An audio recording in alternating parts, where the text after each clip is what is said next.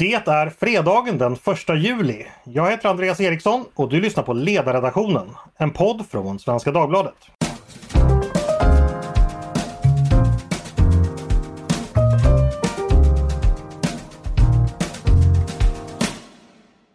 Varmt välkomna ska ni vara och varmt har vi haft det hittills i sommar. Just denna den första julidagen eh, var hettan i alla fall när jag skrev det här manuset något sordinerad men nu har den faktiskt återkommit. Och solen skiner också klart. Men i vilket fall som helst har det åter blivit fredag, åter blivit dags för Svenska Dagbladets ledarredaktion att reflektera över en ny nyhetsvecka i sommarsverige. Med mig för att göra det har jag den spirande juni, den prunkande juli och den lätt rötna augusti. Det vill säga Jesper Sandström, Tove Livendal och Peter Wendblad. Välkomna! Tack! Tack, tack ska du ha! det, det kommer en förklaring sen Peter som är mycket smickrande. Eh, Jesper, hur har, har våren nått Norrbotten än? Eh, den har nu hunnit förbi och det har blivit sommar även här och jag håller på att dö för vi är ju inte byggda för sådana här temperaturer vi som bor här uppe. Så jag rinner långsamt bort och lider. Du får behålla dig själv i, i någon flaska eller krus så länge så att du kan hinna panelpodda med oss i alla fall. Jag ska idag. försöka, någon slags Voldemort, Horcruxes. eh, precis. Du hoppar in som vikarie nu under sommaren som vi har sett i spalterna också. Ja. Eh, sommarvikarie, är det en tuff roll? Ja, jag har alltid eh, någon slags eh, textmässig scenskräck och tänker att folk ska tycka att jag är dum i huvudet. Men det är inte jättemånga som har blivit arga ännu i alla fall, så det går bra. Eh, jag tänkte snarare på penalismen på redaktionen. nu ska du inte utmåla ett mörker som inte finns. Här är vi lyckliga.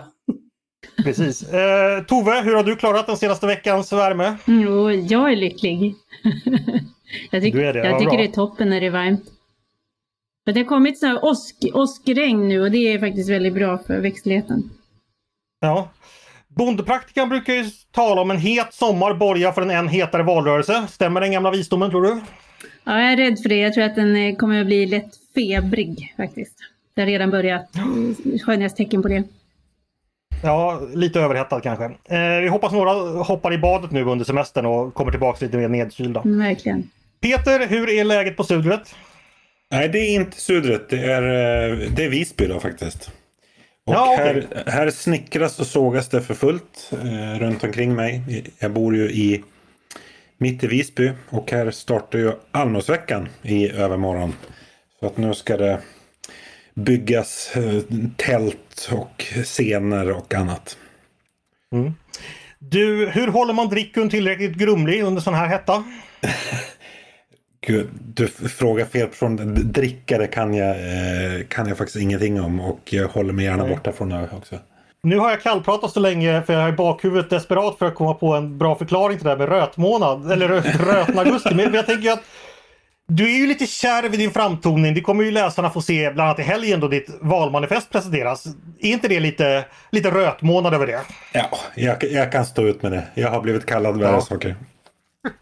Ja, fast kanske inte av välmenande kollegor. Men, mm. men jag tror lyssnarna förstår att det var, det var ett skämt vänner emellan.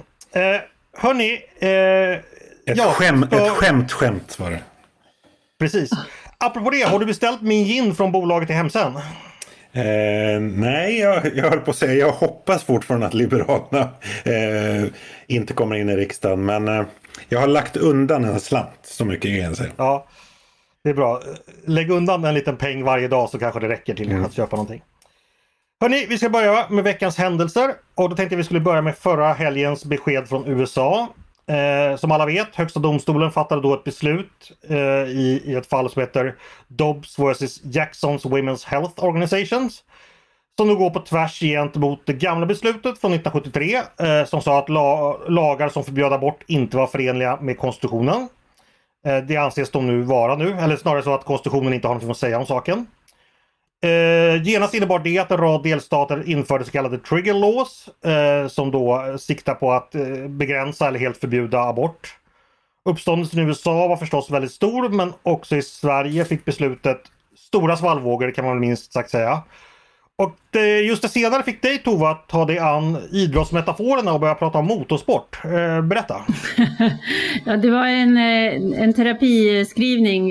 Jesper Tjärnström skrev ju också först om denna fråga mer, på ett mer saklig bok och sen ägnade mig åt terapiskrivandet. Och jag lanserade eh, den eh, retoriska sporten enduro som inte ska förväxlas med motocrosssporten enduro. Och mm. en, enduro, det kommer ju från det uttrycket endudo. Eh, och det betyder, när man använder det, då spelar det ingen roll hur sopiga åsikter man själv har, man tycker bara att den andra är värre.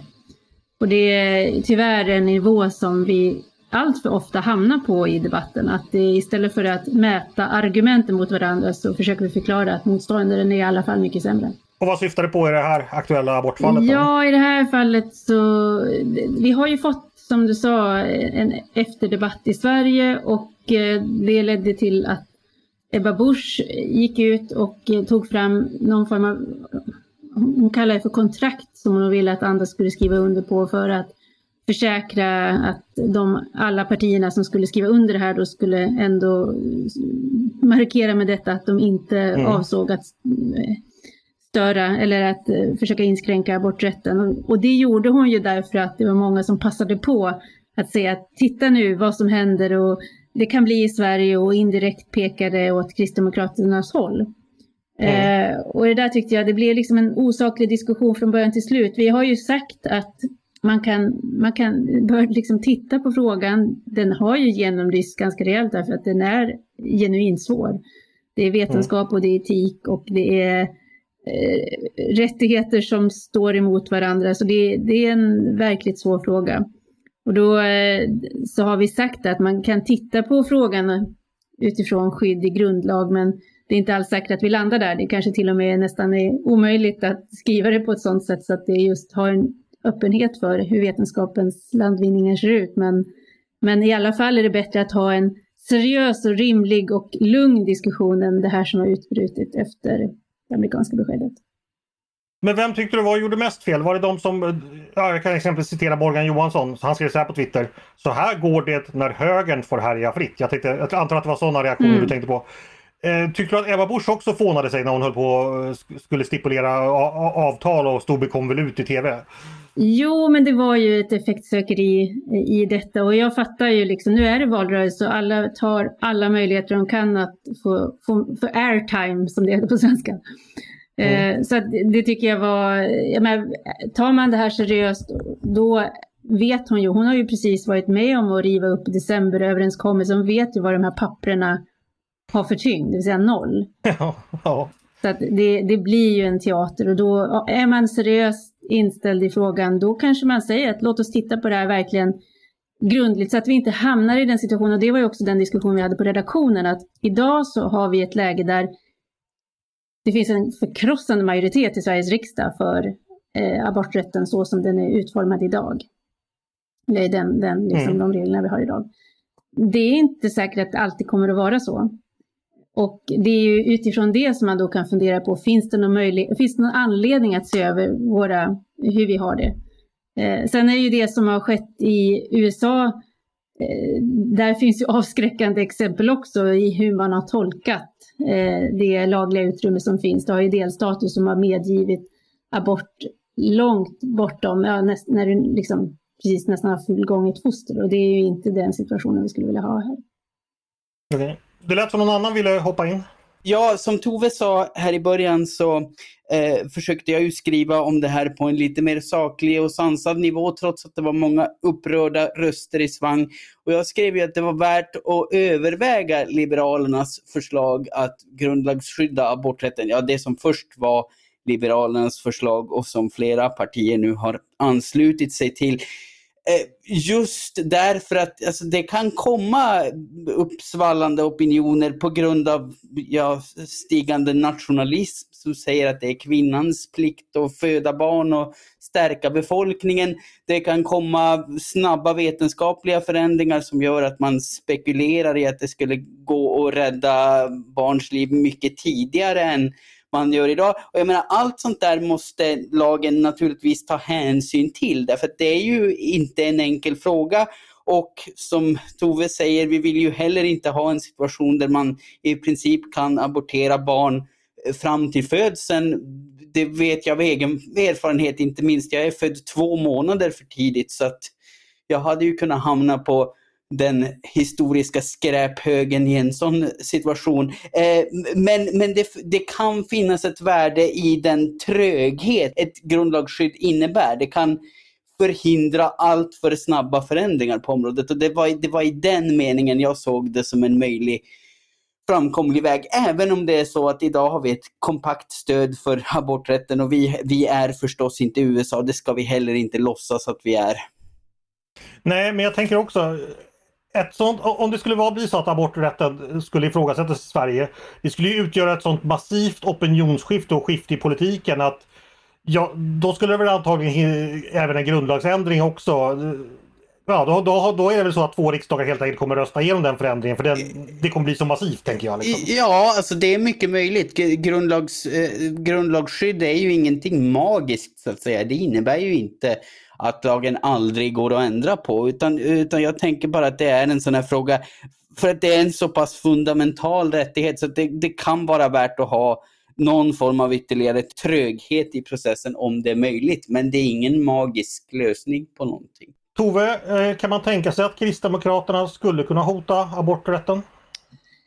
Alltså, det är ju så här, det svåra här är ju att ha det här liksom eh, tänkandet som innebär att du föreställer situationer som just nu verkar orimliga men, men kanske inte omöjliga. Det finns ju eh, stora delar i världen där man använder en otroligt utbredd abort, eh, abortering, nämligen av flickfoster. Det finns många länder där, mm. man, där man har det, har satt det i system och eh, kallar det för familjeplanering, i Kina till exempel. Mm. Eh, och eh, inte vet jag. Men låt oss ändå tänka att det skulle uppkomma att det på svensk mark förekommer som familjeplanering i en större skala. Eh, I ett sådant läge så kommer politikerna att behöva reagera på en sån situation och förklara hur oönskat det är. Och jag är, är liksom så här, jag är, nu tror jag i och för sig att just Kristdemokraterna har ju fler än andra partier fått anledning att verkligen brottas med de etiska frågorna eftersom de har haft abortmotståndare eller har abortmotståndare i sitt parti. Så det kanske är så att de kanske är mer, eh, på ett sätt mer pålitliga än andra. Men, men det är också så att vi har sett i många fall hur partierna kan vända på en femöring när det händer någonting som de känner att de måste leverera ett svar på. Så att jag, jag tycker att det är, det är värt att diskutera och som sagt var, jag tror att det kan vara svårt. Eh, jag har bara liksom tittat och skrapat lite på ytan på juridiken och genom att vi, vi nu har en avvägning. Vi möter ju det, här, det här liksom kvinnans rätt till sin kropp. Vi har vägt in medicinska aspekter. Vi har tittat på hur länge foster kan överleva. Alltså, det är liksom flera komponenter i detta eh, som gör att just nu har vi en ordning som de allra flesta känner sig nöjd med. Men jag tror ändå att det är, det är just nu när vi inte har ett skarpt läge eller någon, någon väldigt eh, eh ja, det, det, är nu vi har möjlighet att diskutera frågan i lugn och ro och bara konstatera om vi ska ligga kvar där vi gör eller om det finns anledning att titta på att eh, se till att det inte en snabb kantring av opinionen skulle kunna ändra någonting på ett sätt som vi inte vill ha. Mm. Peter, vill du eh, chippa in någonting här? Nej, men jag, jag, tycker att både Jesper och Tove säger kloka saker. Men, vi, men vi, vi vet ju av lång och beprövad erfarenhet hur snabbt det kan gå när väggarna slås ut i den svenska åsiktskorridoren. Och att mm. alltså, en opinion kan förändras. Alltså nu, nu säga, den föreställningsvärde vi, vi har att hotet ska komma från liksom, Kristdemokraterna. Men det kan komma någon helt, det kan komma någon helt annanstans ifrån. Och på, på ett, att frågan utvecklar sig på ett helt annat sätt än vad man kan, kan förutsäga. Till exempel jag Tove tar upp att det visar sig att det finns en systematik i, i aborterna eller liksom att det missbrukas på, på något sätt. Ja, om jag får bara komma in en personlig åsikt här. Jag har ju ofta den eh, åsikten att man ska vara lite försiktig med att göra politik där det inte finns politik. För att en, mot, en reaktion tenderar ju att skapa en motreaktion som i sin tur skapar ytterligare reaktion. Så man kan få igång en pendelrörelse där. Som inte alltid är helt lyckad. Vi har ju sett en del exempel på det också. Så att eh, där känner jag, jag, jag är lite skeptisk till Liberalernas förslag även fast jag även kan se poängen med, med det hela så att säga. Men vi får väl se hur det går med detta. Eh, abortfrågan slog i alla fall ner som en bob från väster eh, i veckan. Eh, vi får se hur länge den kommer leva vidare i svensk debatt.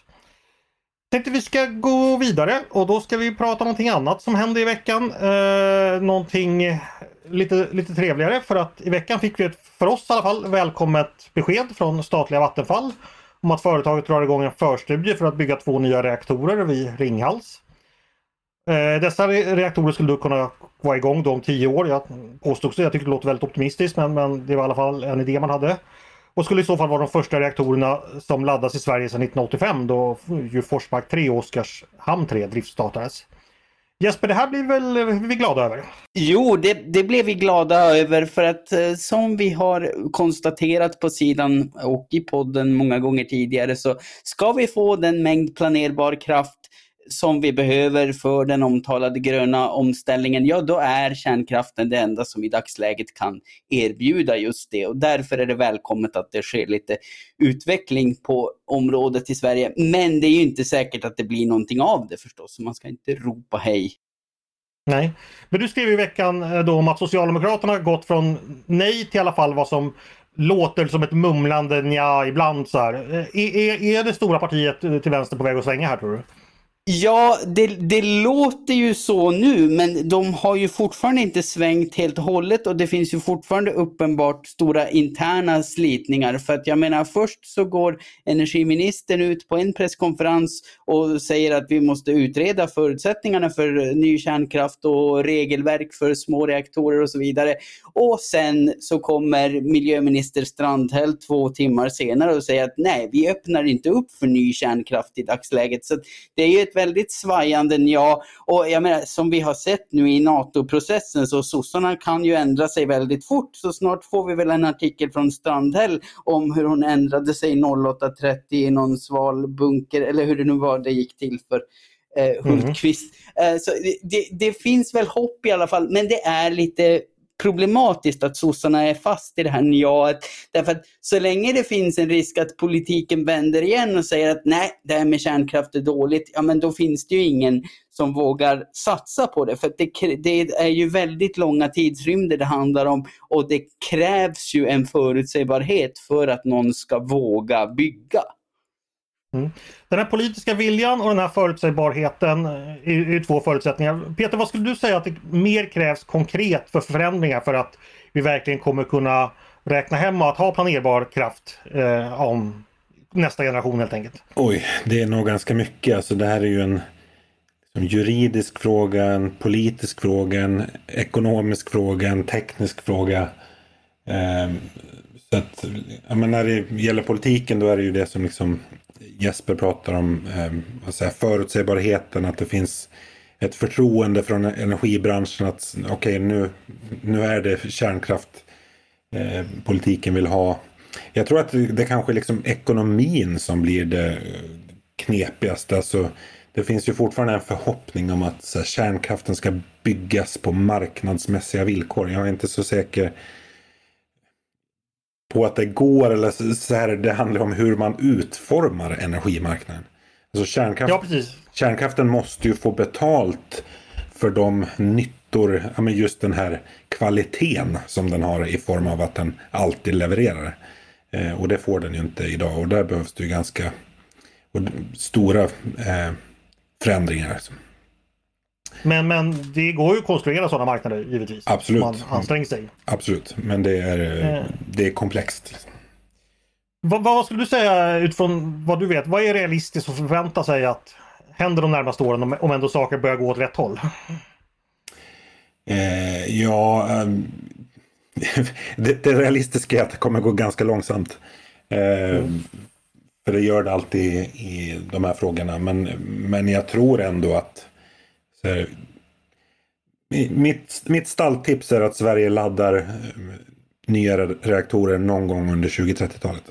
Och jag, jag, tror faktiskt samma som Peter här. Jag, jag, tror att politiken kommer gå i den riktningen för att det, det finns liksom ett globalt momentum också där till och med gröna rörelser börjar inse att ja okej, okay, kanske, kanske är kärnkraften det minst onda trots allt. Och då, då har vi en massa saker som behöver förändras, visst, men jag, jag tror att det kan komma att hända. Jag tror också att de små modulära reaktorerna faktiskt kommer att vara i drift om ungefär tio år. Det, det finns mycket som tyder på att tekniken funkar som den ska, där man nu testar den runt om i världen. Så.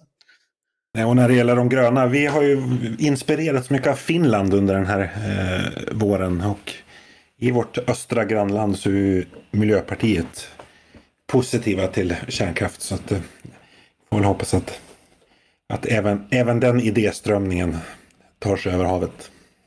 Mm, det är mycket klokt som kommer från, från Finland. Eh, Tove, hur viktigt är det att eh, båda blocken är med på det här? Är det här någonting bara liksom högerblocket skulle kunna genomföra eller måste sossarna vara med? Oh, bra fråga. Det brukar ju sägas att alla svåra, stora, tunga beslut i Sverige måste fattas av Socialdemokraterna för att de ska att både gå att genomföra och gå att vidmakthålla. Och nu är ju Socialdemokraterna inte längre ett 40 parti utan de har ju tappat det. Så att men det är klart att ja, det vore bäst eh, därför att du skulle få en helt annan förutsägbarhet. Det är därför du försöker in i det längsta hitta blocköverskridande överenskommelser. Men jag tycker ju att det vi också sett, och apropå nämnda NATO-frågan, så eh, ja, där, har, där blev det ändå så att en moderatledd opposition kunde liksom sätta lite fyr i baken på regeringen. Så att, och jag tycker inte heller att det ska finnas, det ska inte stå falla det är väl samma inställning som Ulf Kristersson gav, gav uttryck för när det gäller NATO, att vi vill gärna att Socialdemokraterna är med, men vi tänker inte låta det stå och falla på om de är med eller inte. Mm. För det är för viktig fråga för Sverige och detta är också en för viktig fråga för Sverige för att det ska stå och falla om det nu finns en majoritet för att genomföra det. I, I det här fallet så tror jag att det kan, kan vara mer elpriset än oppositionen som kommer sätta fyra i baken på, på socialdemokratin. Alltså, vi har ju nu liksom vinterpriser mitt i högsommaren. Jag tror att den här den här kommande hösten och vintern kan bli riktigt politiskt plågsam och ekonomiskt plågsam för elkunderna. Mm. Det är tur att vi har haft ett val precis. Och, det, där kan ju, det där kan ju ställa till det också faktiskt. För som vi har sagt i den här diskussionen så det tar ju tid. Det är ju jäkligt långsiktiga projekt. Jag menar, inget av det som görs idag kommer ha löst något eller gett oss några fantastiskt mycket billigare priser till nästa mandatperiod. Och säg då att det blir en högerregering, ja då kan sossarna stå i nästa valrörelse och säga att ja, inte händer det ju något. Så, sådana är de. Sådana är de. Hörni, vi får se hur det går med detta. Eh, vi ska gå vidare till vad som verkar bli en eh, årets utrikespolitiska långkörare, nämligen Sverige och Finlands NATO-ansökan och Turkiets motstånd. Eh, I veckan var det ju toppmöte i Madrid och i sista stund slöts ett avtal mellan Sverige, Finland och Turkiet. Peter, vad tycker vi om det avtalet? Ja, det illustrerar väl eh, Sveriges förhandlingsläge i de här förhandlingarna, vilket närmast att likna vid en uteliggare som behöver plats på härberge. Det, alltså, mm. vi, vi har inte sådär våldsamt mycket att komma med.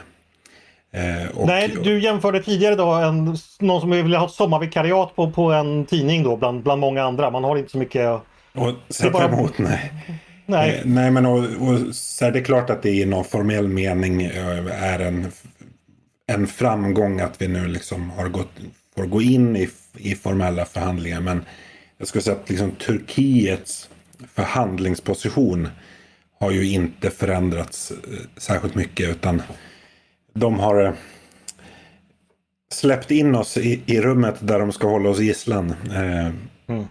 Så att jag tror det kommer, och vi såg ju direkt liksom hur, hur Turkiet, det handlade ju bara om några timmar så kom liksom de första kraven på utlämningar och idag, eller om det var igår så var de helt plötsligt dubbelt så många och sånt där. Så att, eh, ja, det, jag tror att det här, det här kommer bli oavsett regering eh, väldigt plågsamt. En, liksom, ett realpolitiskt uppvaknande.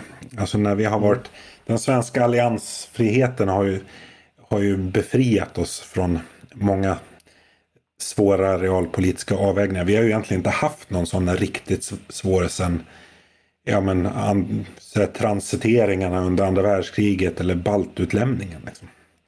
Mm. Eh, kära lyssnare, jag ska bara sticka emellan här att där hörde ni en så kallad vändbladare. Det här med där, släppt in oss i rummet där vi ska hålla som gisslan. Det är det som gör att Peters stilfigurer som gör att man omedelbart kan känna igen honom. Och jag under de tio åren han jobbade som hemlig konsult, alltid när någon företagsledare hade skrivit på DN Debatt så sa jag den där har Wennblad skrivit för det var en sån elegant stilfigur. helt enkelt. Det är, det är ditt adelsmärke Peter men det gör också att det avslöjar dig alltid. Eh, Tove, eh, har regeringen gjort rätt här? Eh, och hur ska man göra för att göra rätt i framtiden? Det är en väldigt bra fråga. Man har, ja, det är så här, ett, ett av skälen till att vi sitter här där vi gör, det är ju att den svenska regeringen och kanske Peter Hultqvist i synnerhet har haft en liksom, förbindlig relation med PKK som ställer till det för oss. Mm. Och, det, och det är ju Socialdemokratiska partiet först och främst som nu utgör regeringen. Så det, det är klart att vi hade varit i en bättre position om de hade, haft, om de hade fört en annan politik som parti eh, och sen som regering. Men eh, ja, de, de trixar sig ju fram så gott det går. Men det är ju precis som Peter säger, att det här är, det här är realpolitik när den är som kanske allra värst. Därför att eh, om du står helt fast vid dina principer så kommer du inte att åstadkomma det du vill. Och i det här fallet så vill Sverige mer än något annat eh, bli medlem av NATO. Och det känner Turkiet till och de ser till att försöka få ut så mycket som möjligt ur denna situation. Ja, en aspekt som jag tycker liksom har missats lite grann i diskussionen här är ju att på sätt och vis är vi ett ännu sämre förhandlingsläge nu än vad vi var för några dagar sedan. Därför att det eh, som har hänt nu är att Sverige och Finland liksom separeras. Eh, alltså våra medlemsansökningar ska ju ratificeras var för sig. Alltså, så att Turkiet kan ju i praktiken välja att släppa in Finland men hålla Sverige eh, utanför. Eh, så att Alltså vi, vi har ju gjort liksom Turkiet till en gett Turkiet en kanal in i liksom svensk inrikespolitik som vi liksom aldrig har, eller främmande makt, eh, en ingång i, i svensk inrikespolitik på ett sätt som vi kanske aldrig har sett tidigare. Nej, men jag tänkte det, alltså, hade man visat det här avtalet för någon som kom från 2021. Man skulle inte tro sina ögon. Alltså, vad, vad är det som har hänt med världen att Sverige... För det är ju verkligen ett väldigt enastående avtal liksom, på, på, på det sättet. Och jag lägger ingen värdering i det, men det är bara liksom väldigt ovanligt. Så att säga. Får jag bara fråga dig en sak Tove, eh, som jag också ställde till eh, där, vi hade, där vi poddade eh, speciellt om det här tidigare i veckan. Kan man inte i viss mån förstå de här, alltså, den här förbindligheten med kurdernas sak och sådär? Alltså kurderna har ju, det finns ju ett visst historiskt skuld till, till den kurdiska saken från svensk sida. Kurderna är en stor och framgångsrik minoritet i, i, i Sverige, eller diaspora i Sverige. Och liksom att, att man liksom så att säga solidariserar sig med ett minoritetsfolk utan, som inte har ett eget land inte det ändå någonting liksom som man, man skulle kunna förstå? Om du förstår, om du förstår vad jag menar? Mm, jo. Apropå hur liksom fel regeringen har gjort. Ja, jag förstår vad du menar och eh, jag förstår också det. Och sen behöver man ju alltid, och det är väl det som är det svåra, att just det där när vi var, pratade om abortfrågan just, att kunna se runt hörnet och att tänka sig in i situationer som kan uppstå senare. Eh, det är ingen som hade trott att Sverige skulle vara i, på tröskeln till NATO nu. Jag vet när jag eh, intervjuade eh, Estlands tidigare premiärminister för några år sedan och hon sa att om 25 år tror jag att Sverige är medlem av NATO, men det var också det perspektivet hon hade. Och jag hade ingen annan avvikande mening. Jag tänkte att jag vill mm. att Sverige ska gå med, men jag trodde att det låg mycket längre fram. Så det är väl det att, att när man då... Eh, och det är klart att enskilda partier har solidariserat sig med olika rörelser runt om i världen. Både, alltså de flesta partier har ju internationella kommittéer som jobbar och försöker supporta sådana rörelser som de ja, av olika skäl vill, vill ge kraft. Så att, nej, det är inte konstigt att det, det finns en förklaring till varför det har blivit så. Eh, och det, det, är väl ett sånt här läge när man, ja, det är lätt att vara efterklok, men det är också lätt att ha förståelse för att man inte var klok i förväg. Ingen hade mm. egentligen kunnat förutse att vi kunde vara just i det här läget som vi befinner oss just nu. Och återigen får jag konstatera att vi får se hur det går. Eh, vi ska gå vidare. På söndag börjar ju Almedalsveckan som Peter nämnde tidigare. En ny förkortad vecka, den första sedan 2019. Vilka av eh, herrskapet ska dit? Ja, lite grann. Mm. Mm. Tove, kommer man få se dig någonstans i något Absolut. evenemang? Kan jag få göra lite reklam? Ja, Mm. det är det som är meningen. Ja, bra. Det var en fin, upp, ett fin, en fin boll du la upp där. Jo, men eh, jag kommer att vara på plats och måndag till onsdag så kommer jag att bjuda på en, ett modifierat 11-kaffe. Nu har vi tagit seden dit vi kommer, så i, på Gotland fikar man klockan 10 istället. Och det heter, Peter? Kluckotej. Lucketej. Jag måste... Nej, det är, nu, nu skojar du. Det där är ju som liksom Killinggänget pratar gotländska och hittar på någonting. Ja, men det, är, Klukutej. ja, det heter faktiskt så. Ja. Ja, okej. Så vi ska ha Klucketej och eh, det ska vi ha på uteplatsen eh, bredvid det här fantastiska kaféet Ett rum för resande på Sankt Hansgatan. Det heter Rådstugeplan. Så klockan 10 till 10.30 måndag till onsdag och på måndag eh, så kommer min gäst den 4 juli att vara USAs ambassadör och på tisdag kommer vår krönikör Lena Andersson och på onsdag vår kolumnist Magnus Ranstorp. Så det är ni jättevälkomna Oj, till. Vilken line-up, den låter fantastiskt. Jag kommer tyvärr inte kunna när- närvara men ni hör ju att ni bör vara där. Jesper, det är nästan så att du bör flyga ner från Höga Nord tycker jag. Nej, nu, nu, jag har re- rest alldeles för mycket det här året. Jag måste odla min klimatångest och stanna hemma en stund. Det låter klokt. Vi får se hur det blir med Almedalsveckan. Då går vi vidare till det här jätteroliga, mitt favoritmoment faktiskt, som heter Svar direkt. Då jag tar upp några aktuella frågor från veckan som har gått och jag ber ledarredaktionen på stubben helt enkelt fatta beslut om vad man tycker om det här är bra eller dåligt. Och då det första, eh, det var ett förslag som kom idag faktiskt. Kristdemokraterna föreslår en kemisk att kemisk kastrering ska kunna vara ett krav för att sexualbrottslingar ska få villkorlig frigivning. Vad tycker vi om detta? Är det rätt eller fel? Jag vill ha svar direkt. Fel. Fel. Tove, svar direkt var det. Ja, ja, ja, jag vet inte faktiskt. Så, jag Okej, måste Peter, du som var så blixtsnabb där. Vad, vad, vad, vad gäller? Nej, men jag tycker bara att... det- Vad ska jag säga? Att statliga ingrepp i vad ska jag säga, den mänskliga fysiken. Jag, eh, jag, jag tycker det är enormt tveksam till i alla fall och även när det gäller kriminella. Jesper, du landar också i fel. Det är tveksamt dels av det skäl som Peter anger. Man ska vara ytterst försiktig med att ge staten sådana befogenheter.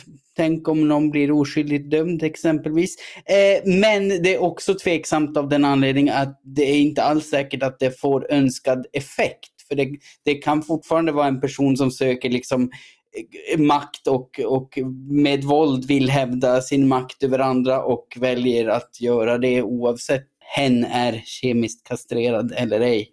Men är det, är det inte så att det, finns, det så här, för man kan ju fundera på också, finns det någon grad av, det, det är väl viktigt som Jesper säger, att det beror på vad, vad som är problem, grundproblemet i fallet, men visst finns det också möjlighet att frivilligt underkasta sig den sortens behandling idag? Ja, det förekommer inom rättspsykiatrin exempelvis. Eh, Dock på vad jag förstått så är det begränsat antal patienter. Det lönar sig inte på alla. Men alltså både Jesper och Peter mot kemisk kastrering så jag antar att det är den mekaniska vägen ni, ni förespråkar. Eh, Tove, är, du- är du övertygad av, av de- dessa argument? Nej, jag tror att jag ska söka mig till djupare expertis faktiskt innan jag bestämmer mig. Ursäkta, Okej, herrarna eh, får jag, kan ursäkta. jag, kan, jag kan säga att när jag googlade på det här så upptäckte jag exakt samma förslag lades för 20 år sedan ungefär vid den här tiden av Kristdemokraterna. Den gången var det Alf Svensson. Ja, men, det ja, men var det så? För jag kände att det, det, det ringde en bekant klocka. Att så den här diskussionen har vi haft förut. Och den här Ja, ja. upprördheten över det här förslaget. Allting går i cirklar Peter, det är som svensk politik. Hörni, den första juli är det idag. Eh, många nya lagar träder i kraft.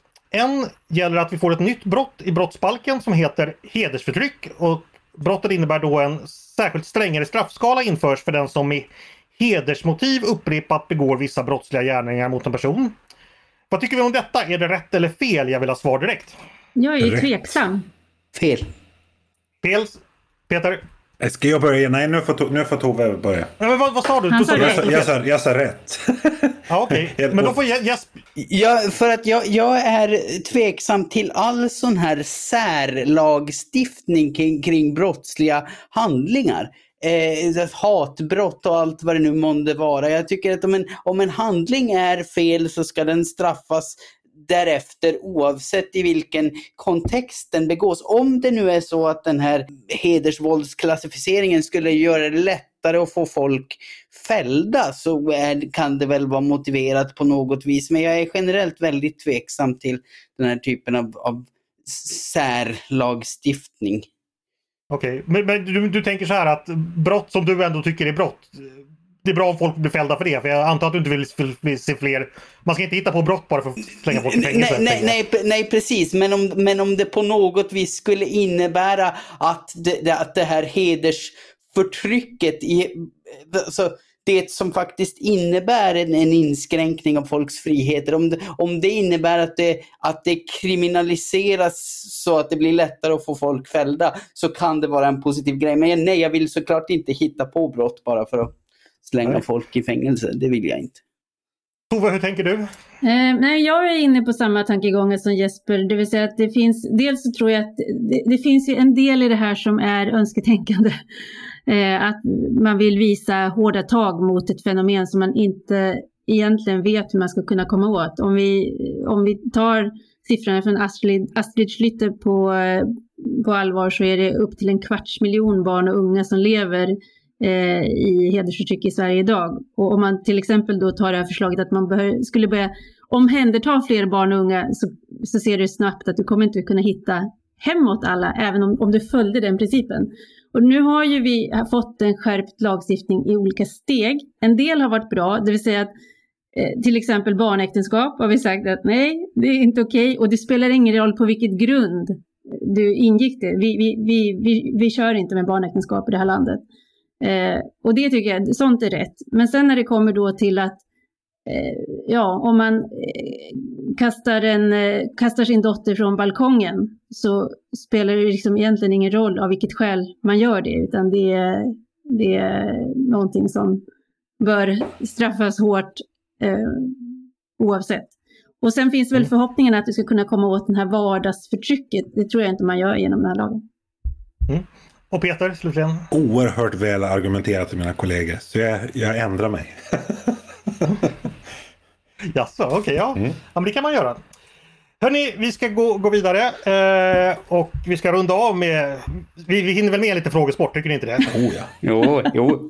Och då ska vi givetvis pröva era kunskaper om Almedalen och Almedalsveckan. Och jag funderar egentligen på här, Peter är ju lite dopad som, som uh, infödd gotlänning. Uh, så jag tänkte först att du skulle få börja med minus ett, men det är också ganska grov diskriminering. Ja, faktum, är, faktum är att jag är en riktig Almedalsamatör. Jag har varit väldigt lite på Almedalsveckan. Vi, vi, vi gotlänningar, vi, liksom, vi cashar in istället. Vi, ja, vi, vi flyttar ut på landet och cashar in. Ja du, jag har sett att såg kontraktet var du hyrde ut huset till Timbro för 2013 eller vad det var. Alltså,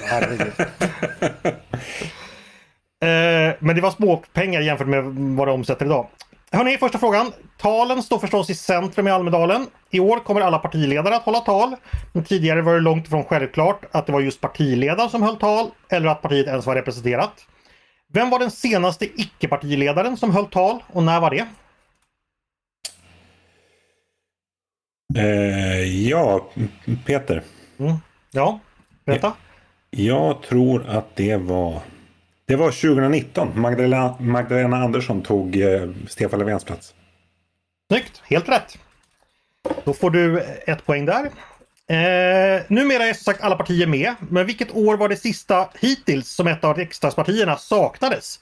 Och vilket var det? Oj, oj, oj. Jag kan säga att eh, Ja, det är, ett, det är ett parti som... Nej, jag ska inte säga mer än så. jo, gör det. Nej. Vi behöver Nej, en, en ledtråd. Okej, okay, jag, kan säga, jag kan säga att året var 2002. Det är riksdagsparti 2002. Och då var det valår. Jag vet inte om det här var förklaringen men det gick inte så bra för det här partiet sen. Nej men jag vet alltså vi hade ju en diskussion då om Bo Lundgren som gick under namnet Greta Garbo därför att han åkte till Almedalen men han, och han var där men han höll inte tal va? Var det inte så? Ja, helt rätt. Moderaterna eh, hade inte mer representant på, bland talarna helt enkelt i året. Ett poäng Tove. Just så var det. Eh, mingel är någonting som många förknippar med Almedalen och då tänker man ofta på rosévin. Tänker man på rosévin tänker man på PR-byrån Prime som genomförde under många år ett uppskattat mingel. På vilken adress låg deras berömda roséträdgård? Och då räcker det med gatan. Peter. Ja. Strandgatan. Precis. Kan du numret också? Eh, nej, men jag vet vem som äger huset. Det är samma, för samma man som äger nattklubben Munkkällaren på Stora torget. Han heter, kallas för Länta. Strandgatan 27B. Två poäng till eh, Peter. Jesper, är du med där uppe i norr? Jag är helt bortkollrad. Hörni, eh, rosé var ämnet. Då frågar jag helt enkelt, använder man blåa eller vita druvor när man gör rosévin? Tove? Ja? Blåa. Ja, fast det här var en slamkrypare Tove. Man kan faktiskt använda vita även fast det inte är tillåtet inom EU. Så svaret är båda. Varför skulle jag föreslå någonting som inte är tillåtet inom EU? Du slipper faktiskt minuspoäng där för det var en slamkrypare. så du har fortfarande stått kvar på ett poäng.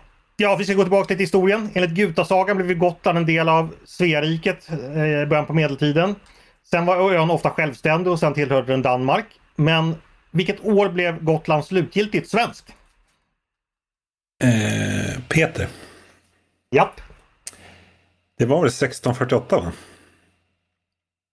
Aj, aj, aj, aj, aj. aj, Det är Västfaliska freden du tänker på, men det var ju freden i Brömsebro ja, tre år förlåt, tidigare. Förlåt, förlåt, så var det. 1-1. Då kommer allting avgöras på sista frågan. Och då ska vi in på naturligtvis eh, det klassiska DJ-battlet, en legendarisk tilldragelse i Almedalen, då högern och vänstern möts. Jag vet inte fan vad de exakt möts i, men det spelas i alla fall musik. I matchen 2011 mönstrade högern ett starkt lag i form av Anna Kinberg Batra och Sofia Arkelsten. Vänstern svarade med Karin Jämtin och Ja, vem? Karin Jämtin. Och nu kan ni få en ledtråd här. Motståndarsidan psykade vänstern genom att spela Tommy tycker om mig. Va? ja, alltså jag är ju körd ändå. Så bara, nej men det kan inte vara... 2011 sa du? Ja. Ja. Tommy tycker... Eh, eh, ja, alltså jag tänker... Ja, Jesper då. Nu straffar Ja. jag ut mig. Men då tänker jag Annika Strandhäll för Tommy och Annika. Nej, Pet- bra Peter. tänkt. Men Peter. Peter, säg. Ja. Eh, Kan det ha varit Tommy Weidelich? ja, där avgör du. Så snyggt! Smatchningsmannen. Ja, ja, chockerande uppgifter. Ja, honom tänkte jag på för ett tag sedan och så här, vad tog han vägen? Vet ni det? Ja. Det var ju sista spiken i hans karriär. Men, men vet ni vad han tog Nej, vägen? berätta. Han är, Nej, han, är, han är mäklare i Spanien. Oj. Fan, fantastisk kuriosa Peter. Men, men, ja, tillsammans med det här deltagandet i DJ-battlet så man får ju en helt annan bild av den mannen på många sätt här alltså. Snyggt Peter, du tog hem det här. Visserligen spelar du på hemmaplan men det ändå var en elegant seger. Tack. Gratulerar. Ja, då, då ska vi bara runda av med den här sista lilla roliga rundfrågan då jag som vanligt ställer en helt spontan fråga på ett politiskt ämne och ni svarar lika spontant. Idag är det 22 år sedan, sedan Öresundsbron invigdes eh, och då tänker jag givetvis på just brobyggande. Ni ska få välja en bro att bygga till någon eller något. Det kan vara en, en grupp, en parti, en person, en, polit, en politiker. Ja, vad som helst. Huvudsaken är att det är någonting ni vill nå och att ni behöver bygga en bro dit. Eh, och då tänker jag att... Ja, har vi någon frivillig som vill börja? Ja, jag, Bygga en bro. jag kan börja. Ja, låt höra Jesper. Det är en plats jag eh, ofta har velat besöka för att bättre förstå den svenska, det svenska politiska samtalet under det senaste året. Så jag skulle vilja bygga en bro till den breda mitten. Ja, mycket klokt. Eh, för det, jag tänker mig det som någon slags psykedelisk fantasivärld där som liksom Martin Ådahl råder över. Någon slags Alice i Underlandet fast Xanadu, det är något riktigt eh, trippat alltså. ja, ja, Ja, vi- precis. Vi pratade ju om eh, landet Oss i förra veckan så det kanske är något sånt som vi är ute efter. Frågan är, är den breda mitten tillräckligt stor för att man ska få plats vid ett brofäste någonstans där tror ni? Det är ju osäkert men jag vill i alla fall försöka. Ja, vi, vi uppskattar din ambition Jesper. Vi får se ifall du, du hittar vägen dit. Mm. Du får bara hoppa ner i kaninhålet och följ den vita kaninen. Ja. Eh, ja, nästa person. Jag kan ta den. Eh, ja, och ta Jag är ju lite mer dystert lagd. Så jag tänkte att jag skulle bygga en bro åt Donald Trump som han kan hoppa ifrån. Väldigt bördigt Peter.